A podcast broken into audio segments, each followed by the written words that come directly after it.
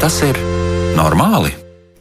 Esiet sveicināti ar jums, runā Kristiāna Lapiņa, bet par skaņu šovakar rūpēsies Mārtiņš Paiglis. Tev ir zili mati, šausmas. Kad tu beidzot precēsies? Nevar būt, viņš dzīvo kopā ar vīrieti.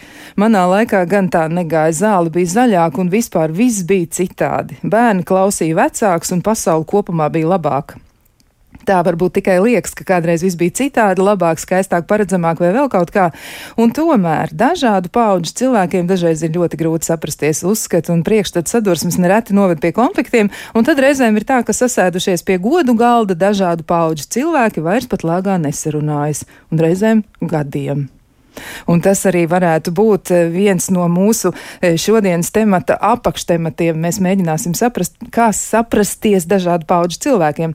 Un uzreiz arī iepazīstināšu ar raidījumu viešņu. Daži no jums noteikti pazīst šo viešņu, daži būs priecīgi iepazīties no jauna, un daži arī teiks, ai, cik labi viņi ir klāt. Un proti, tā ir Aina Poiša, ģimenes psihoterapeits. Sveicināti! Sveika, Kristiāna! Man tiešām ir liels prieks, ka es esmu studijā, nevis es sēžu pie telefona, jo es domāju, tās tēmas ir tik ļoti sulīgas un dzīves, kad ir tāda saruna apusē, tad arī mums tas saturs, man liekas, sanāk pilnīgi savādāks nekā mēs tikai tā kā caur telefoniem kontaktējamies. Tā es domāju, tā enerģija, ko mēs radīsim par šo nopietno tēmu, aizies līdz klausītāju ausīm.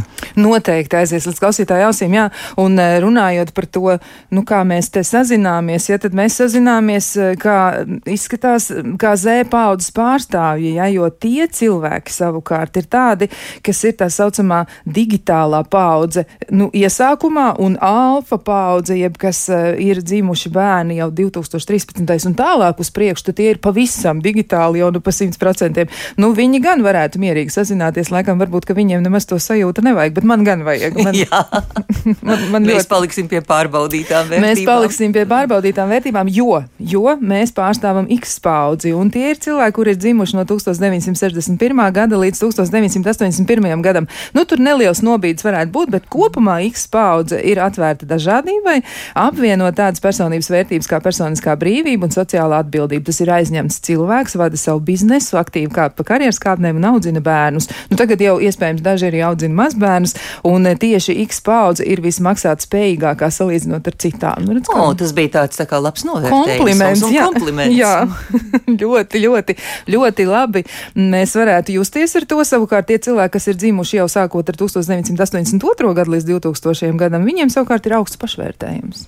Jā, Jā bet reizēm tas pašvērtējums ir vairāk tāda ambicioza pieeja lietām. Es atļaušos mazliet kritiska būt, bet par to mēs parunāsim laika gaitā, jo katrai paudzei ir sava sliktā puse un ir sava labā puse, vai ne? Jā, jā, jā, par to noteikti runāsimies. Un, eh, nu, uzreiz es gribu tev arī jautāt, nu, vai tavā terapeita, ģimenes terapeita praksē bieži ir gadījumi, ka cilvēki runā par to, ka nu, tieši tā paudžu nesaprašanās ir galvenais temats, ar ko viņi atnāk vismaz. Jā, jo pārsvarā, es domāju, man patīk pēdējā laikā strādāt tieši ar pāriem, bet, piemēram, māte un meita arī ir pāris. Un tur uzreiz ienāk iekšā arī tā paudžu atšķirība, jeb tāds neatrisināts vērtību konflikts, ja vispār tik daudz neizrunātu lietu, jo izrādās meitai ir sava vēsture uzrakstījusies, ko viņa ir uztvērusi no mammas attieksmes, no mammas reakcijas, no klātbūtnes, jeb pamešanas novārtā un tam līdzīgi. Savukārt mammai ir atkal sava vēsture, kur viņa tā kā varēja, tā viņa darīja. Viņai liekas, kas tā pa nepateicīga, ka meita sāk runāt ļoti konfrontējošā veidā, piestādot rēķinu par to, ka tad, kad viņai vajadzēja mammas klātbūt, viņas nekad nebija. Māma saka, bet es tajā laikā darīju to un to un to, un tas viss bija tevis dēļ. Un tad tu esi tādā krustpunktā starp diviem cilvēkiem, un katram jau ir taisnība no tā.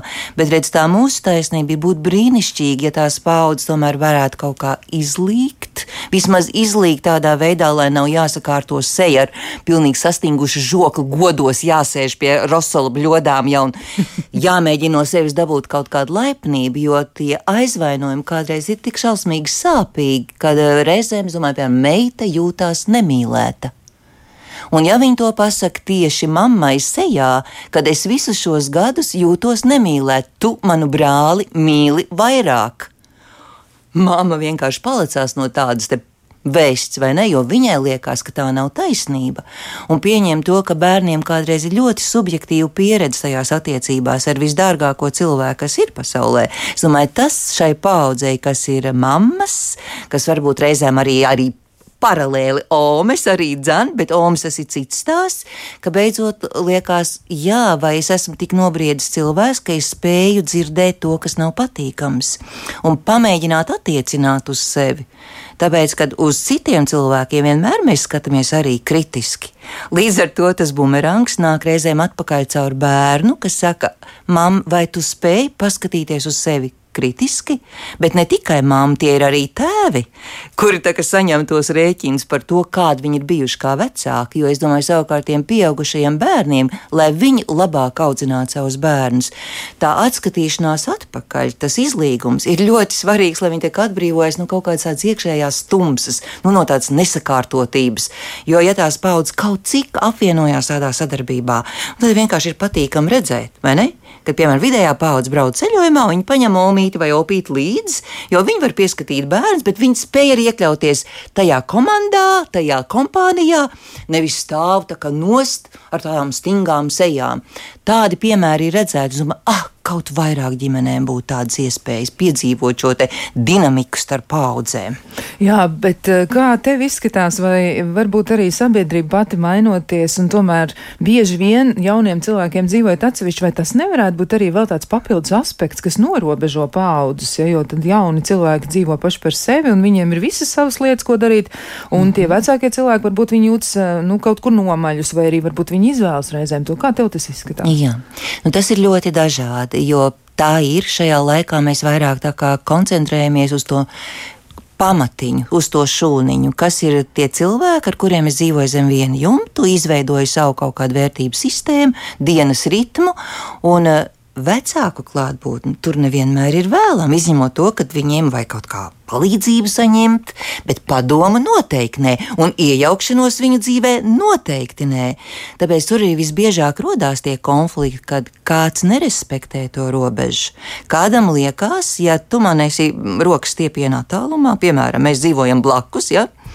Var atnākt, var atnākt čībās. Ja, es pamostos, es domāju, ko es tādu labu varētu sadarīt? Es izcepšu tev plātsmaisīt un aiznesīšu tev brokastīs. Bet priekš manis tas varbūt ir ļoti agrs rīts, jo man ir bezmiegs. Tu par to nezini, vai ne? Bet priekš tevis tā ir vienkārši domāju, iejaukšanās, tā kā nepieklauvēt, vispār nerēķinoties to, ka tu dzīvo pilnīgi savādākā ritmā. Es nevaru vairs to atļauties. Ja es esmu mamma, man ir jānoliek sevi pie vietas, latviešu runājot, un jāgaida, ja tu mani aicini, tad es pie tevis eju. Bet es vairs nedrīkstu iebrukt kā okupants tavā patstāvīgajā dzīvē, jo tu esi pieaugusi liela meitene, un tev ir savs režīms, savs ritms, savas vajadzības un tam līdzīgi, vai ne?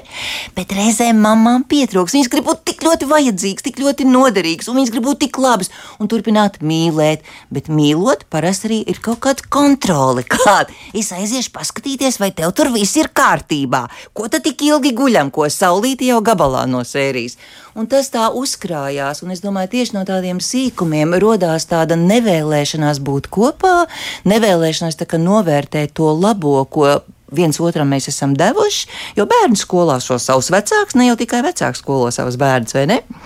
Un tad varētu iznākt kaut kas tas no tā pozitīvā stāsta, bet bieži vien tieši tie sadzīves sīkumi, kad tas ir robežu jautājums, tas ir respekta jautājums un tas ir atdalīšanās jautājums.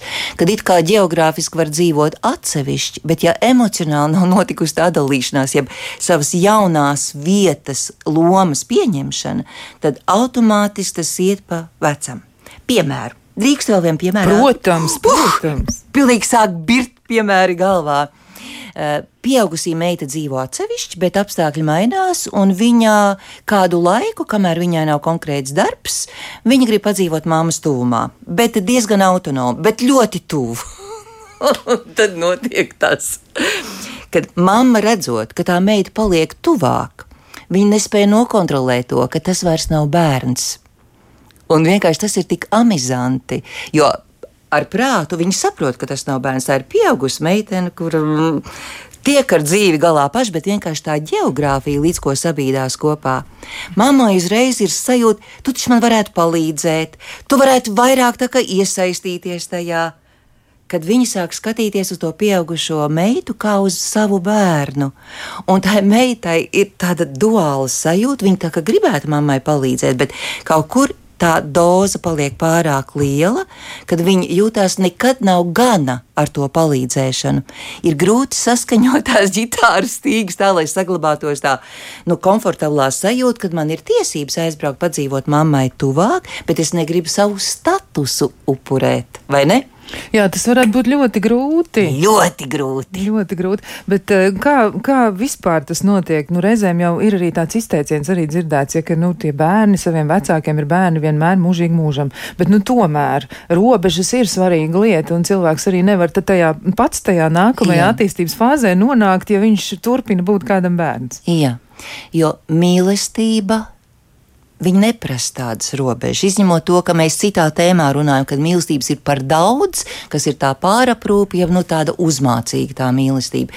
Bet mīlestība pret bērniem, kas ir pieauguši, ja viņa paliek tā kā dziļāka un, un tie vecāki jūt to, ko viņi jūt, bet viņi, viņi neizmanto to mīlestību caur tādām pārspīlētām rūpēm, Tur varbūt ir tas mazais knifiņš, kā to saprast. Jo saprotams, ka mani pieaugušie bērni vienmēr būs mani bērni, bet es nevaru atļauties pret viņiem izturēties kā pret bērniem. Man tomēr ir jāmācās ar viņu runāt līdzvērtīgi, pareizi, saskaņot kaut kādas tās mūsu kopīgās intereses, neapvainoties, ja viņi pasaka nē, tāpēc ka viņiem ir citi plāni un citas prioritātes. Un tā tā lieta kaut kā rulē puslīdz labi, bet bieži vien ģimenēs tā nenotiek.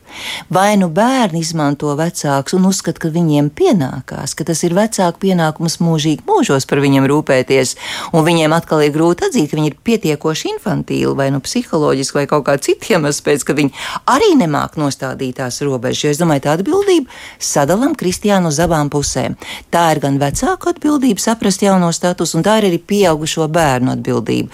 Ja par to var normāli, kādreiz tas arī darbībā pats no sevis sakārtojās, bet ja nē, tad vienkārši ir jāapsēžās un kaut kā, nu, maigi, uzmanīgi, bet konkrēti ir jāparunā par to, kas mēs viens otram esam šajā dzīves fāzē.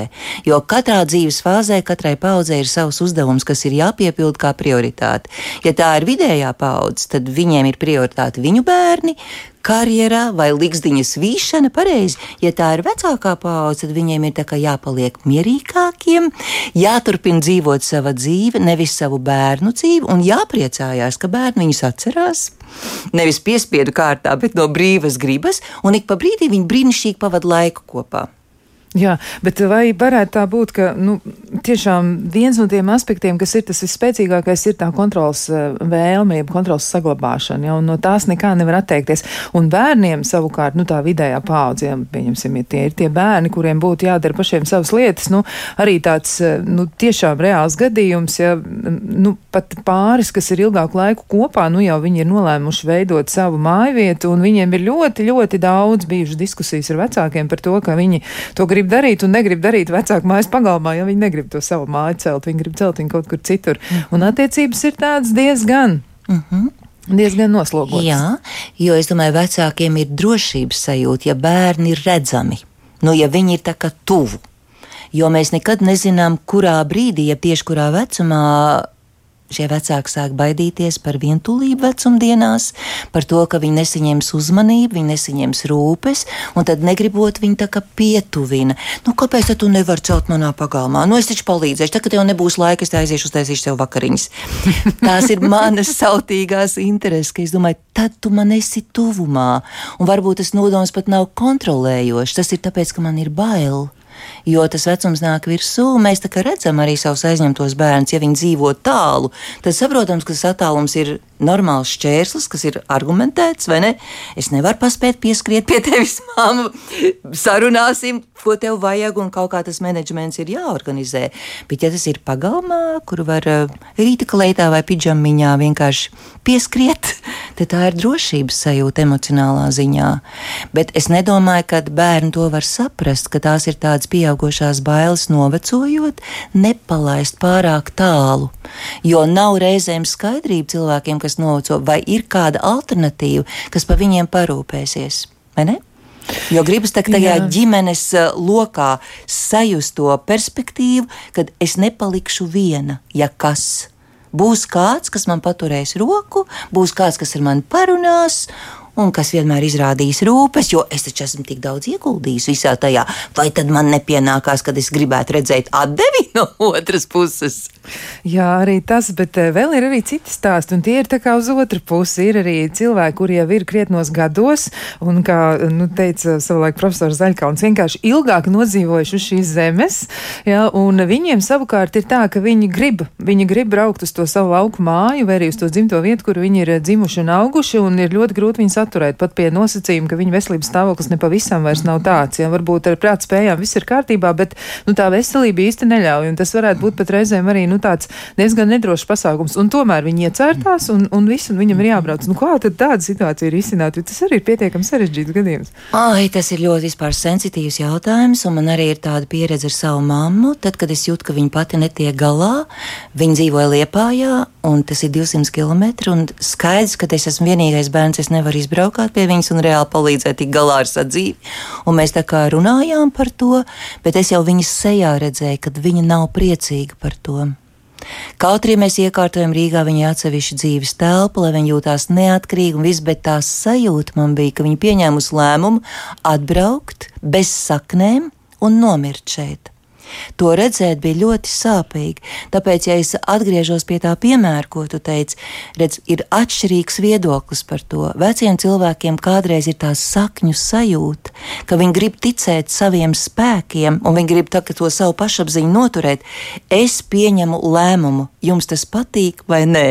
Tad, kad jūs sākat par daudz uztraukties, tad man liekas, ka jūs mani novērtējat pa zemu kad jūs tā kā gribat labi, bet jūs man gribat ar saknēm raut projām no tās vietas, kur es gribu justies labi kur es jūtos, piemēram, lauku mājās, kas iedod kaut kādu atpakaļ to atgrieznisko saiti, ka tā ir daba, kur es gribu pavadīt laiku.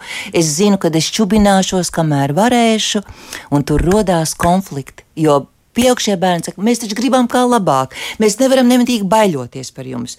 Un vecāki redz, saka, nē, nē, Jums nav pamats baidīties. Mēs esam gatavi turēties dzīvē, mēs varam arī integrēties tajā sabiedrībā. Mēs nelienam varbūt mežā ļoti projām no cilvēkiem. Mēs zinām, kā mēs varam dabūt palīdzību, ja kas, bet nespiediet ar varu mums novecot ātrāk, neatņemiet mums tiesības pieņemt savus lēmumus. Un cito es piedzīvoju, bet es neko nevarēju izdarīt, jo kādreiz tie apstākļi tā sakrīt, ka kādam ir jācieš. Jo atstāt, jo, nu, Katrā gadījumā tas ir atšķirīgi, vai ne tie apstākļi, kādi viņi ir. Es to nevarēju vairs atļauties, bet tas, ko es labu gribot nodarīju, to es redzēju un izjūtu. Nu, tad citreiz ir varbūt jāpieņem tas lēmums arī tāds, ka, nu, tas, ja tas cilvēks ir izlēmis, ka viņš grib tajos laukos jā, būt, tad, jā. tad vienkārši jāļauj. Jā, vai jānorganizē, vai ir kāds palīgs, piemēram, kas dzīvo kaimiņos, un es, piemēram, esmu tavs bērns un dzīvo laukos, ja? Es noskaidroju, kas tur tūmā dzīvo, izveidoja labu kontaktu, piemēram, ar Zelmstanti, un saka, Zelmstanti, vai mēs varētu tā sarunāt? Vai par konkrētu samaksu, vai vienkārši tāpēc, ka cilvēkam patīk palīdzēt, ka pāris reizes nedēļā jūs pieskriet un palūkot, un es nevis viņus kontrolēšu, bet mēs parunāsim, kā viņiem iet. Nu, mazliet tāda supervīzora klātbūtne uz šo situāciju. Neiesaistot tos vecākus, jo tas kādreiz arī var krist uz nerviem, kad zvana katru dienu. Nu, kā jums ir? Tā kā bez maz vai gaidīt sliktās ziņas. Jā, un arī uz otru pusi tas pats. Uz otru pusi tas pats. Jā, vecāki, kuri ir jau krietnos gados, viņi zvana saviem bērniem un jautā, nu, gandrīz vai tev viss labi? Vai tev viss labi, vai tu pāēdi? Vai tu pāēdi? Jā. jā, nu, par to jaukšanos tās nākamās paudzes dzīvē tas ir ļoti sarežģīti. Un viens no tādiem ļoti jūtīgiem jautājumiem arī ir cita cilvēka ienākšana ģimenē. Nu, tātad partneru attiecību veidošana, un tur arī ir ļoti daudz dažādu negāciju bieži vien. Nu, nepatīk man tas eh, puisis, jā, vai tas vīrietis, kurš tagad manai meitai būs, nu, tas turpmākais, ja tā kā ceļa mm. gājējs līdzās. E, un, un atkal otrādi. Nu, kā tad e, tādās situācijās? Oi, tas arī vispār šī dzīves krīžu, es teikšu, tā uh, upe ir pilna ar visādiem atvariem. Un šis ir arī viens no tiem smagākiem brīžiem, ka tā ir laime, ja tavs bērns izvēlās cilvēku, ar kuru tu kaut kā jūti, ka viņš iedarās. Bet nevienmēr tā ir. Un tad tā ir grūtība bērna dēļ iemācīties pieņemt tajā dzimtas kontekstā cilvēku, kas ir no cita koka, ar citu izpratni, ar tādu pozitīvu attieksmi. Iespējams, ka tas uzlabos, nevis traucēs, bet tas prasa milzīgu darbu ar sevi. Jo, piemēram, palaižot bērnu dzīvē, kad viņš izvēlās sev partneri, ko es piedzīvoju zaudējumu, mans dārgumiņš Oi. Izvēlās kādu, kas ir tā kā svarīgāks nekā es. Un, protams, ka es skatos ļoti uzmanīgi, vai ne? Jo gribas taču nodot tādās labās rokās, lai taču viņu mīl un, un čubina tieši tāpat kā es. Un liekas, tas cilvēks tā man nedod tādu pārliecību, ka tas tā varētu būt. Un tad tā skepse sāk pieaugt, un tā kritiskā acs visu laiku skatās tā kā līdzi. Un tas nekad nebeidzās labi, jo tas bērns ir vidū Jo viņam, protams, vajag kaut kā to svētību un to palaišanu vaļā. Ja tā būs viņa kļūda, tad tā būs viņa kļūda. Bet eh, nepaturēt sevī to es jau zināju, es jau redzēju, ka tur nekas nebūs, un tad visu laiku ir kaut kā tāda, nu, tāda indis akmentiņa vai tāda, nu, tāda kaulaina atsik pa brīdim, jo, ja grib atrakt kaut ko, maz pūļu ir jāpieliek, jo, ja tā programma jau tā rulē, ka es nepieņemu to cilvēku, tad viņai vajag maz, maz tikai aplaistīšanas tādu uzmanību, un viņa tiešām pieaug. Un tas ir ļoti slikts mantojums, ko mēs iedodam saviem bērniem līdz dzīvē, kad mēs netiekam galā ar to svešā pēdiņās nepieņemšanu. Jā, bet uh, tas jau arī savā ziņā varbūt arī ir mūsos, nu, savu laiku cilvēki dzīvoja citādi. Jā, nebija, nebija tās atsevišķās ģimenes un nebija tāda paudžu nodalīšanās, cilvēki dzīvoja paplašinātā ģimenē, un tad varbūt tur kaut kas bija par kopienu arī, nu, kad nāk. Divām pļaviņām vajadzēja apvienoties. jā, un ar tām pļaviņām tur tik viegli neiet, jo, nu, tas svešais tiek uztverts kā svešais. Bet uh, vai vienmēr ir tā, ka tas vecāks ir tās kritiskās acis īpašnieks un saimnieks? Varbūt arī citreiz ir tā, ka viņš negrib grib vienkārši zaudēt šīs rūpes par sevi, vai arī to, nu, varbūt tas arī skarbi izklausās, bet tomēr to varas izjūtu, jā, vai kontrols jā. izjūtu. Un lūk, tas eh, bērns, meita vai dēls eh, izlēma tagad veidot to savu jauno dzīvi, un rekur viņš tagad aizies, es viņu pazaudēšu. Tas ir par to zaudējumu, ko tu teici, bet varbūt jā. tas ir arī par to, ka nevis es kritiski vērtēju viņu partneri, bet es vienkārši negribu, ka tas cilvēks tagad eh, nebūs vairs mans, bet būs kāda cita. Jā, nu tā jau ir tā nepalaišana vaļā. Un klasiskākais variants, kad mammas pieķer saviem dēliem ļoti reizēm, sevišķi, ja viņām nav pārāk veiksmīga laulība, un ja tam bērnam uzrādās kāda, kas jājus slotis un nozog viņu, tad dabīgi, ka tā mamma var tikai dusmoties par to, ka kāds nozog viņai, nevis kad viņa pati brīvprātīgi ir pieņēmusi, ka viņš ir izaudzis liels un ka viņš izdara savus izvēles un veido savu dzīvi. Protams, protams, ka tas ir milzīgs caurums, ko izsitas trešais, tas sliktais, jo es nevaru uzticēt es nevaru palaist vaļā to. Un tad es arī varu sākt saskatīt to, kā nav. Nevis tikai tā, kā es pirmajā variantā teicu, reizē mums ir taču vajadzīga kaut kā ķībīga, ka mums ir dažiem cilvēkiem izveidojas ļoti vieglas tās attiecības, un tad dažiem vienkārši jāpieliek pūles. Ja mēs redzam ideju kā vārdā, tad tās pūles pieliekot var izveidot kaut ko labu, vai ne? Bet, ja es esmu greizsirdīga, tāpēc, ka man kaut ko atņem, tad tā ir mana problēma. Jā. Tā vairs nav ne tā trešā problēma, ne tā ir tā mana bērna problēma. Tā ir mana problēma. Tad es tajā dinamikā esmu iestrēgusi. Es gribu viņu paturēt mūžīgi mūžos āmeni, kā mazo puisīti vai kā mazo meitenīti, un neviens trešais nebūs labs. Tāpēc, kad es nevaru iedomāties savu dzīvi, visa mana dzīves jēga ir tajā bērnā. Jā. Dramatiski. Dramatiski, ļoti dramatiski izklausās, bet eh, vai reizēm arī nav tā, ka cilvēki, kuri, nu, vecāki, piemēram, ja viņi mēģina saprast, kurš tad ir tas piemēroties vai kā veidot savu reakciju, bet vai nav tā, ka viņi tomēr balstās uz savu pieredzi, tā kā tu teici, ja, ka mamma mēģina no sava dēla izveidot ideālo vīrieti, ja, jo viņa pati ir cietusi savās attiecībās vai jutusies nelaimīgi, un tur ir bijuši daudz dažādas problēmas, vai gadījumā tas arī varētu būt viens no tādiem nu, papildus faktoriem, kas eh, tomēr liek nekritiski uz to skatīties. Ja? Nu, es eh, nespēju un nekad nespēju atrast pietiekami labu cilvēku tam savam bērnam. Jo reizēm ir ļoti liela vainas sajūta par vajadzību atrauties no mammas, jo tā saikne jau izveidojas kā tāda atkarīga simbioze. Un tad līdz ar to arī ir tā, ka mamma nekad nebūs apmierināta. Un es esmu atbildīgs, nu, kā bērns, lai viņi ir apmierināti, jo es esmu pie tā pieredzinājis viņu, vai ne? Jā. Es esmu bijis vai nu labā meitene, vai labais puika. Es nekad neesmu atļāvies vai atļāvusies sacelties pret mammas varu. Un mammas vara tas ir kaut kāds milzīgs spēks. Viņa dzīvo uz troņa, Un mēs visu cieņu izrādām mamām. Pareizi viņas dod dzīvību, viņas tā kā ienes ģimenē ļoti daudz pozitīvu lietu, bet tas ir tad, ja viņas ietekmē tajā idejā, ka tur ir tā enerģija, kas rada to mīlestību. Bet, ja tā ir varas enerģija, tad tā mīlestība principā ir noslēpusies, ja tās ir tikai sautīgās intereses. Un Tas ir tas sliktākais, ko mēs arī varam mierīgi atļauties dēvēt par vardarbību pret savu bērnu, kad viņā ir iepotēta milzīga vainas apziņa par vajadzību attīstīties, par vajadzību iet ceļā, nevis palikt visu laiku mammas sargam vai kā tam atbildīgajam par mammas labsajūtu. Jā, nu daudz visādi lietu, ko izspriest vēl arī, un daudz dažādu jautājumu, un uz tiem visiem mēs meklēsim atbildes, bet to mēs darīsim pēc ļoti īsa brīža.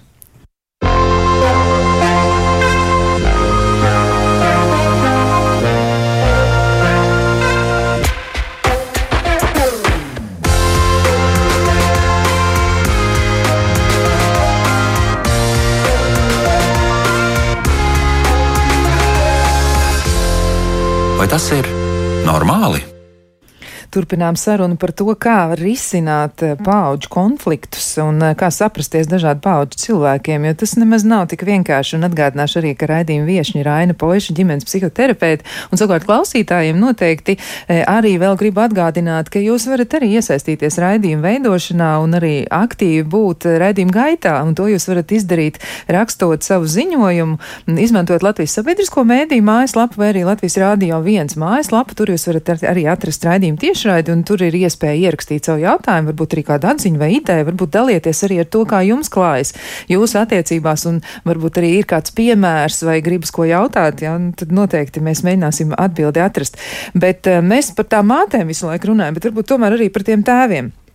Parunāsim, jā, jo tēvi arī citreiz ir tādi, nu, ir diezgan daudz joku arī par to, kā tad tēvi izturs eh, pret, eh, nu, piemēram, pret šo pašu svešo ienācēju, ja ģimenē, un tu, tur ir daudz arī tādi, nu, piemēram, krekliņi, ja tiek izgatavoti, ja tur pie iepazīšanās kaut kas notiks, tad, ja tu tur to un to nodarīs manai meitai, ja tad kāds būs sekas, piemēram, ja, nu, nu tādas visādas lietas, un arī, nu, kā tad divi vīrieši sadzīvo, divi dažādi pauģu vīriešu ģimenes ietvarā, kā tad tas izskatās? Mm -hmm. Tēviem varbūt ir mazliet racionālāka pieeja nekā mamām, tāpēc viņi paliek mums tā kā otrā plāna lomā, bet ir ļoti daudz piemēru, ka tiešām tad arī ir tā konfrontācija, kad ir saimnieks, kas ir tēvs, un ja viņam ir īpaša attiecības ar viņa meitu, viņa Salcerīti, Stikla kalnā, Jā. kur ir noskūpstījis svešinieks un nonesis lejā no kalna. Tad viņam arī liekas, vai tam džekam kājas neļogās, vai viņš tiks ar to galā un tā saimnieka pozīcija reizēm aizskar jauno vīrieti, ka tēvs visu laiku grib nu, uzspēlēt to, ka viņš ir galvenais joprojām.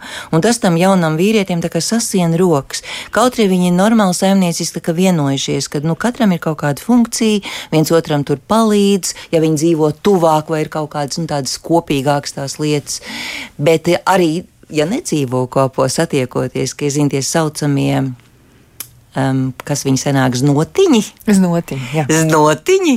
Ja viņiem nav stingrs mugurkauls, un ja lielais suns to redz ar savām muguras smadzenēm, tad viņš arī neatsakās no vārds, ka viņš tur ir galvenais. Un tad bieži vien tie znotiņi jūtās tā kā, kas es īsti esmu šajā ģimenē. Nav motivācijas kaut ko darīt, Jo tēvs jau visu, visas atbildes uz visiem jautājumiem zina, un visus lēmumus viņš pieņem vienpersonīgi. Nav tādas sadarbības ar diviem vīriešiem, kur viens tā kā varētu mazliet atslābt un deleģēt tam jaunajam kaut kādus smagākus darbus vai kaut kādas nu, citas idejas, ko viņš pats negrib sev apgrūtināt savu galvu, lai tā kā viņš justos piederīgs. Bet, ja ir viennozīmīgs tēvs, tad es esmu tāds kinks, boss un saimnieks, tad tam jaunajam ielausties tajā sistēmā vīrietim. Es domāju, domāju, ai, vai stipru muguru kaulu, vai viņu vienkārši spēcināt, jo bez tādas sevis apliecināšanas, ja tu nolaidi ausis, tad vienkārši veidojas joprojām. Viņš tiek adoptēts, tipā dēls. Dēls, vēl viens ja, dēls. Vēl viens dēls, un mēs joprojām ar jums eh, komunicēsim kā ar saviem bērniem. Bet jaunam vīrietim, parasti, kurš ir pieņēmis lēmumu precēties, tas vien jau ir solis, kad viņš grib visai sabiedrībai parādīt, ka viņš ir spējīgs pats arī domāt, pats pieņemt lēmumus, varbūt atšķirīgāk, iet pa citu taciņu pie tā mērķa, bet lai viņam ļauj to darīt. Bet, ja neļauj, nu, tad tas ir tas pats, kas no otras puses, ko mēs runājām. Tā kā tēviem arī ir vara pār šo situāciju, tikai savādākā aspektā. Tas varbūt vairāk ir tieši ar tādām saimnieciskām lietām, mammai vairāk tieši ar tām emocionālām lietām, vai ne? Un tad tas tā labi sajiet kopā. Un viens nosaukums tam ir bērni izaug. Un viņi nostājās vienkārši pilnīgi citā līmenī un pilnīgi citā vajadzību aspektā. Un tā ir tā skola, kad tu saproti, atkāpies, noņem sevi no troņa, vai tu esi tētis vai mamma, bet dzīvo savu dzīvi pēc iespējas kvalitatīvāk, vai pilsētā vai laukos, lai tu jūti, ka tu spēj organizēt vēl pats sevi. Jā, nu tad neizmantot arī bērnu klātbūtni tikai tam, lai justos, nu, tāds nu, dzīvīgs. Jā, es esmu, jā, viss notiek, man nav garlaicīgi, viņi te pat ir. Jā, jā. Tad arī tā, lai nenotiktu, lai tomēr būtu tā sava dzīve. Bet, eh, nu, vēl viens tāds jautājums ir arī par to, mm, kā, kā mums veidot attiecības, ja tomēr šie konflikti, nu, viņi ir, viņi mēdz būt arī par tādām sadzīviskām lietām, varbūt viņi neizaug par tādiem lieliem un, un postošiem, bet, nu, tomēr viņi mēdz būt, bet um, kā nu, cilvēkiem tomēr reaģēt, jo Tas vien, ka man ir mans tēvs vai mana māte, tas nepadara šo cilvēku par citādāku. Tajā nozīmē, ka es taču arī varu reaģēt uz viņu kā uz cilvēku, kurš varbūt manipulē, kurš varbūt uh, izmanto dažādu veidu paņēmienus tieši tāpat kā jebkurš cits cilvēks. Un ja es draugus vai paziņas varu izvēlēties, ja tad tā ģimene man viņa tur ir. Jā. Jā. Kā ar to? Nu, ja cilvēki nepieņem kādu palīdzību no malas, kas neutralizē tās karstās emocijas, tad mājas apstākļos bieži vien tās ir ļoti smagas sarunas, ka tas musturs parādās vienkārši kā uzdēlns. Nu, tā kā ir parasti. Viens, kas nevar izturēt grūtas situācijas, pieceļās, iziet ārā un aizcērt durvis, kāds cits sāk raudāt, kāds cits vienkārši apjūk un jūtās bezpalīdzīgs ar to visu. Saka, jā, tas ir tas, ko mēs pazīstam. Musturs rulē, stelītes, du, du, du, du, du, du, du, du. Jā, viss kā vienmēr. Jā, jā. Tad man bija viens tāds gadījums, ka es ar vienu pieaugušu sievieti, kurai ir sarežģīts attiecības ar savu tēvu, ka mēs mazliet tā kā modelējām, vai viņa būtu spējīga riskēt un mazliet kā mediātors iesaistīties ar jaunu attieksmi tajā nu, ģimenes kaut kādā, nu, sauksim par sapulcītu pēdiņās, kad nu, viss sasēžās un ir, ir gatavi pārunāt kaut ko, kas ir aktuāls. Nu, viņa bija apņēmības pilna, un es viņu satieku un saku, kā gāja. Viņa saka, es svīdu, bet es biju sagatavojusies, un es tiešām kaut kā sajūtu to, ka kādam ir jāpārņem vadība, lai tā stūre būtu rokās. Nu, tam cilvēkam, kas ir gatavs būt neitrāls, vismaz mēģināt būt neitrāls, neiekrist iekšā tajās emocijās. Saku, tad es mēģināju disciplinēt, ka mēs runājam pa vienam, piemēram, nu, tādi mazās, mazie noteikumi grupu veida darbam, vai ne? Jā. Nepārtraukt, jo parasti bija tā, līdz ko brālis, kas ir tagad grēkās tajā ģimenē, kurš ir jaunietis, kurš tēvam liekas vispār tā kā skabarga. Ja? Viņš pilnīgi nesaprot, ir diezgan liela vecuma starpība. Viņš visu laiku viņu ignorē un pazemo un tā māsa to pārdzīvo. Un, ja tas eh, brālis arī kaut ko min, tad parasti bija tēvam žests nu, no sērijas, tur jau nav ko klausīties, un viņi kaut šito te mēģināja apturēt. Tas, protams, eh, izraisīja šoku. Tēvs atrada uzreiz, uz ko var vērsties. Viņa, gribē, viņa bija gatava, ja, no viņa acīm skatoties, jau pie pārņemt to grēkāžu lomu. Viņa gāja karsti. Bet tas, ka viņai bija tāda gandarījuma sajūta, ka Iespējamas izmaiņas ir, tikai vai to var ģimene pati dabūt gatavu? Nu, tas paliek tas jautājums, ja tā ir milzīga slodze turēt to grūto situāciju, kurā ir pieci cilvēki, viņa sestā. Iedomājieties, kāda spriedze tur valda. Ja? Tur Jā. nav daudz, daudz jādomā, ka var iedomāties, ka gaisā karājās pilnīgi slotas, cirvju un zobeņu un tam līdzīgi. Bet vienkārši pamēģināt, jo es kādreiz mēs savā darbā, nu, ko mēs darām, mēs taču arī modelējam kaut kādas alternatīvas situācijas, jo, ja tas musturs ir aizgājis tik destruktīvs, ka tur notiek pazemošana, ignorēšana vai vainīgā meklēšana, nu, tad saprotams, ka tas ir ļoti grūti, ja jādzīvo zem viena jumta, vai ne?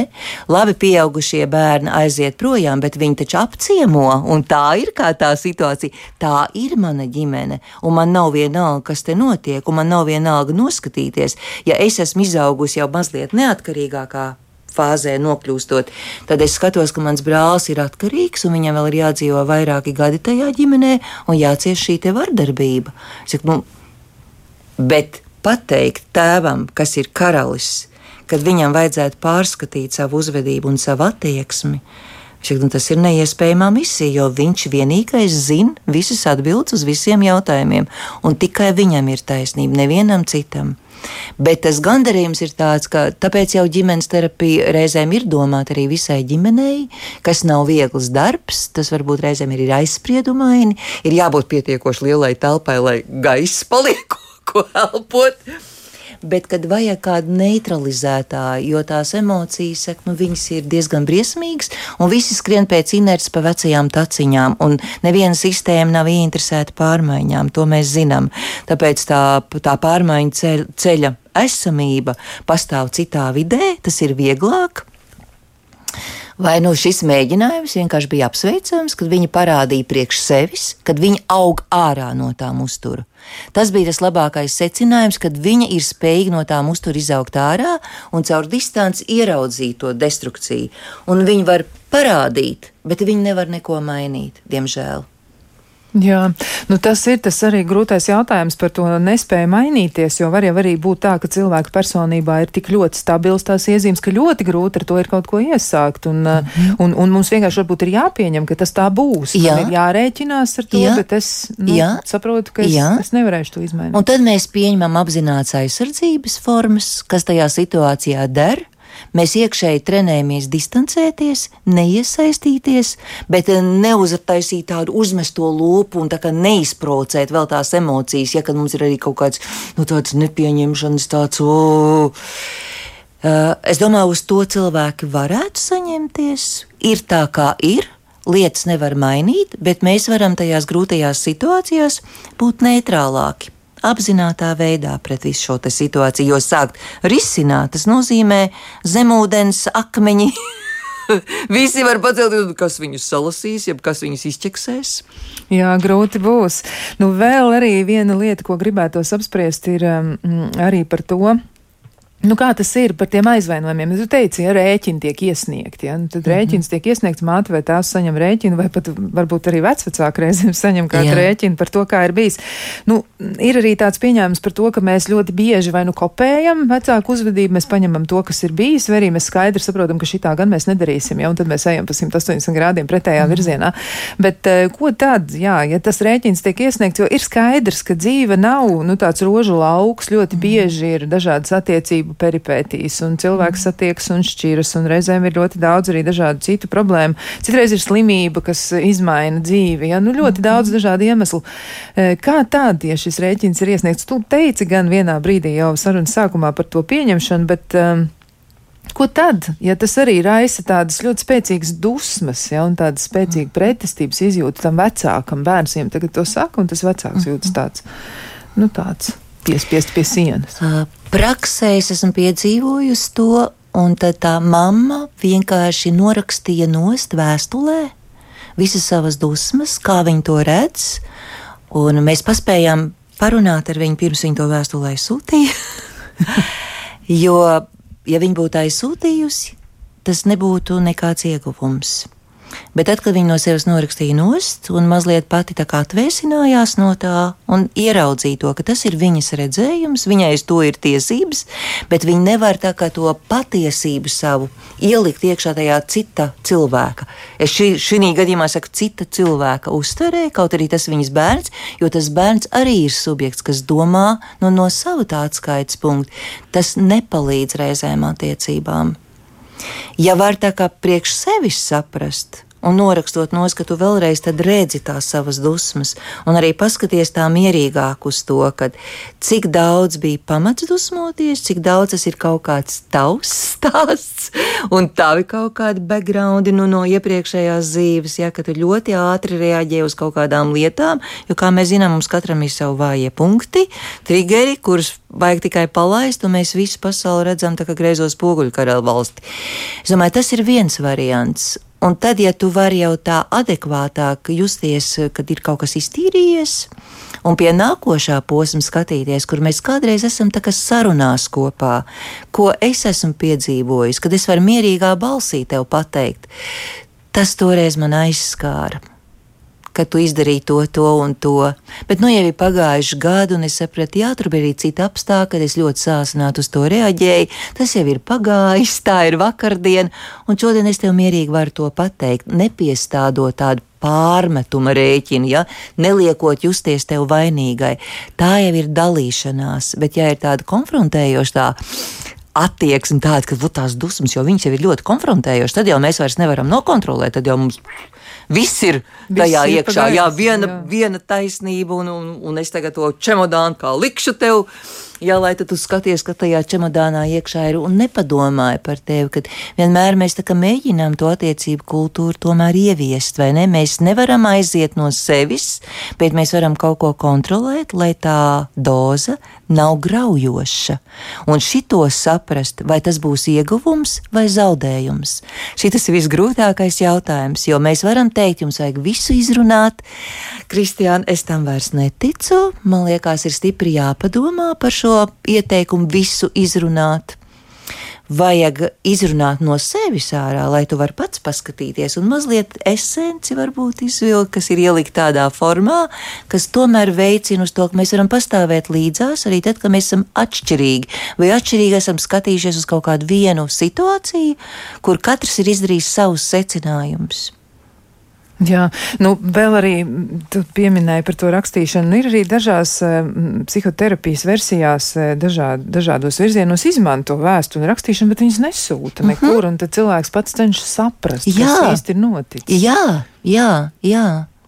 Bet ar rakstīšanu kopumā, ja mēs domājam par rakstīšanu, no vienas puses, jā, rakstīšana vai verbalizēšana ļoti palīdz cilvēkiem, gan sakārtot domas, gan arī pašiem izdarīt kaut kādus secinājumus. Bet um, Kā ir ar to savstarpējo paudžu saziņu? Jo liekas, ka, nu, ja, piemēram, tā ir alfa paudze, ja, vai tur z paudze, ja, tad skaidrs, ka viņi savstarpēji spēj sazināties ar, ar rakstīšanu un izskatās, ka viņiem arī tīri labi veicas vienam otru saprast, kaut gan pārpratumu tur varētu būt ļoti daudz. Bet kā tad būtu labāk risināt to konfliktu situāciju? Vai tas varētu būt tā kā mēs ar tevi? Nu, es labāk jūtos, ja tu esi studijā un es tevi redzu, mm -hmm. un es varu redzēt tavu mīmiku, es redzu, kā tu smējies, vai es redzu, ka tu tajā brīdī gribi kaut ko teikt. Un, un tu redzi mani, un tas ir pilnīgi citādi nekā mm. mēs runātu pa telefonu vai sazinātos Whatsappā vai kā citādi. Mm. Bet uh, ko tu saki par uh, nu, šo konfliktu risināšanu dažādu pauģu pārstāvjiem? Nu, kas ir labākais veids, kā to darīt? Mm. Vai var iztikt ar to, ka cilvēku uzrakst viens otram īziņu? Man liekas, ka tas īsti Nē, tas nav par tādām nopietnām lietām. Noteikti tas ir pārāk virspusēji un nu, pietrūkst tās personiskās attieksmes, kā tu saki. Kādreiz mēs varam sākt no pretējās puses, ja es izdaru priekš tevis sākumā kaut ko patīkamu, apzinātajā veidā, nevis es nāku ar tādu karaugu, karogu, es gribu tā par taisnību cīnīties. Es, piemēram, aizbraucu pie tevis, tagad es nezinu, kādā lomā spēlē, kā mēs sadalīsim lomas. Piemēram, tu esi mana mamma un es esmu tava meita, un mums ir kaut kas neatrisināts konflikts. Ja? Un es domāju, man kremt tas konflikts, nu, man gribētos risināt. Bet es domāju, bet ja es iešu no otras puses, ka es izdomāju, ka es tev varētu kaut kā uzmanību izrādīt, ka mazliet samulsinot tevi. Un arī sevi, ka es tā, so, to savu smadzeņu rezonanci pagriežu pozitīvā virzienā. Tas ir darbs man, ka es, piemēram, tev piedāvāju, ka mēs varam pavadīt kaut kā kopā laiku, ja? Es tev kaut kur aizvedu, vai sarunāju ar tevi, ka, nu, ko tu dari, ko tu teikt par to, to un to, ka man ir ideja. Un darot kaut ko labu priekš tevis, es izrādu tev cieņu. Un man mazinās nu, tās sakāpinātās emocijas. Un tad, ja mēs izveidojam kaut kādu kopējo telpu, tad mēs varam kaut ko drusciņu pārunāt par to. Bet man tad ir vieglāk pašai to kontrolēt, ja, ja es sāku ar to pozitīvo pieeju. Un tikpat labi tas var būt arī otrādi. Tas ir arī mazs knifiņš tieši tāpat kā uzrakstīt kaut ko, kā uzdāvināt sevi tam otram cilvēkam, nevis iet risināt konfliktu. Kā mēs aprakstām to, to situāciju, tas arī rada mums, man liekas, to noskaņojumu, kā mēs pret to attiecamies, vai ne? Jā, tam ir ļoti liela nozīme vārdiem, jau ir milzīgs spēks. Jā. Jā. Tā ir. Nu, arī klausītāji raksta un eh, raksta tā. Eh, labvakar, liels paldies par raidījumu. Tā ir liela māksla, veidot attiecības ģimenē. Tas ir liels darbs. Man ir izdevies. Bijušas problēmas ar mammu, ir izrunāts, kas ir svarīgi, un šobrīd ir ideāli. Un dzīve nav roža lauks, ja nu klausītāji arī raksta to pašu. Nu, protams, mēs iedomājamies rozi, viņai taču ir ērkšķi. Jā, tas gan, tas gan. Bet uh, vēl arī par uh, vērtību sistēmu, nu arī to varbūt var izdoties salāgot, jo iespējams, ka tas arī ir iemesls, kāpēc cilvēks strīdās dažādās -hmm. paudzēs mm -hmm. esot. Mm -hmm. Nu, piemēram, mamma, kas ir ļoti pāratbildīga. Un kur to pieprasa, lai meita būtu arī perfekta, nu, lai viņai viss ir čikiniekā.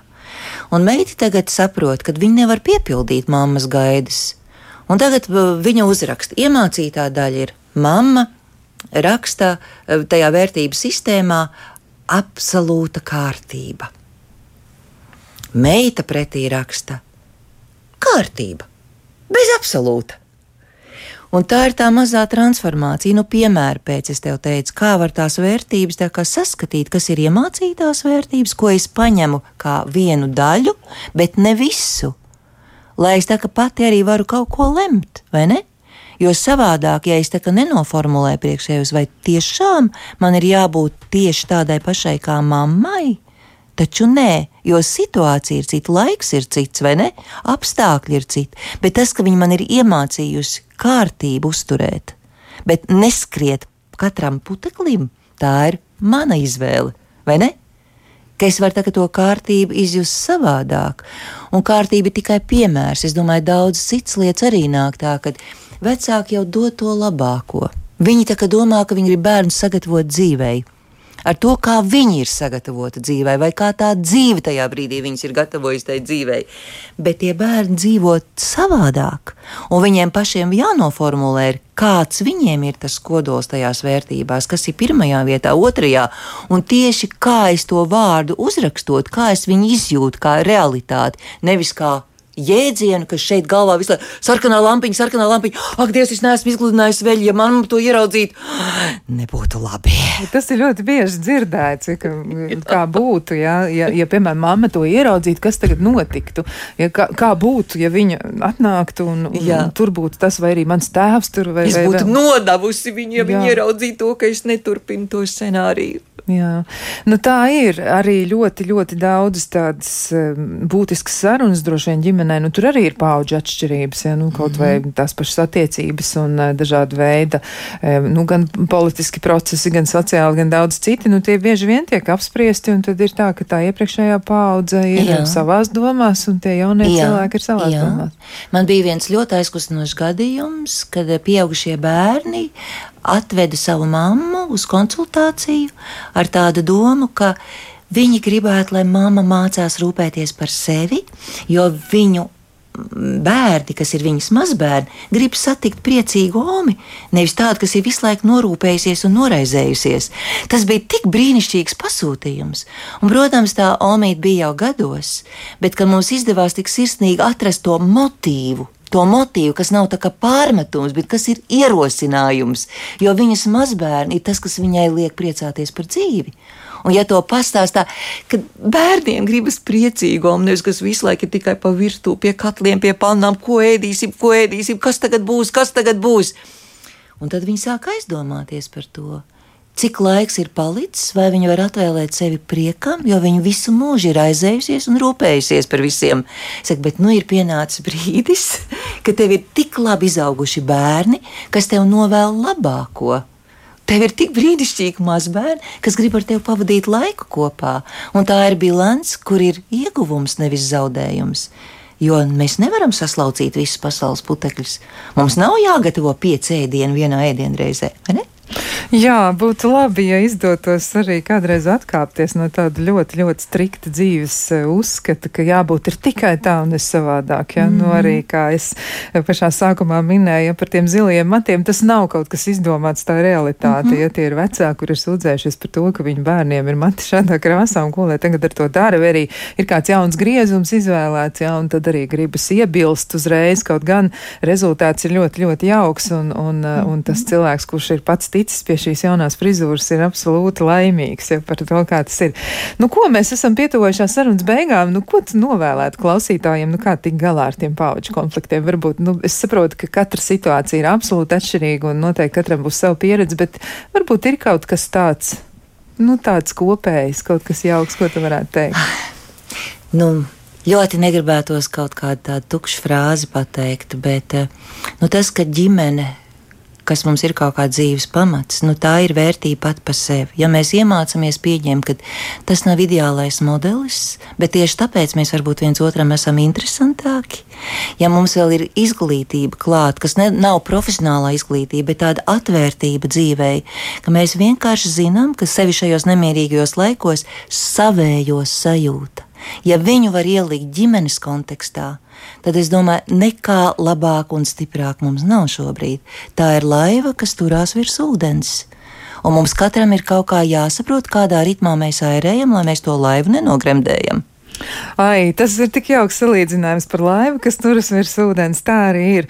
Nu, ko mēs esam visi vienā laivā savā ziņā, un katrs arī savējā, un ir mazāks un lielāks laivas. Droši vien kādam ir tvaikonis, un kādam ir vispār ļoti liela, liela, milzīga e, laiva vai pat milzīgs kuģis, bet e, citiem ir tādas maziņas un arī diezgan omulīgas. Nu, centīsimies e, tās laivas negremdēt un centīsimies arī airēt vienā ritmā, lai mums izdodas. Ar jums kopā bija Aina Poiša un arī Kristiāna Lapiņa un par skaņu rūpējās Mārtiņš Paiglis, un mēs visi kopā bijām raidījums, vai tas ir normāli?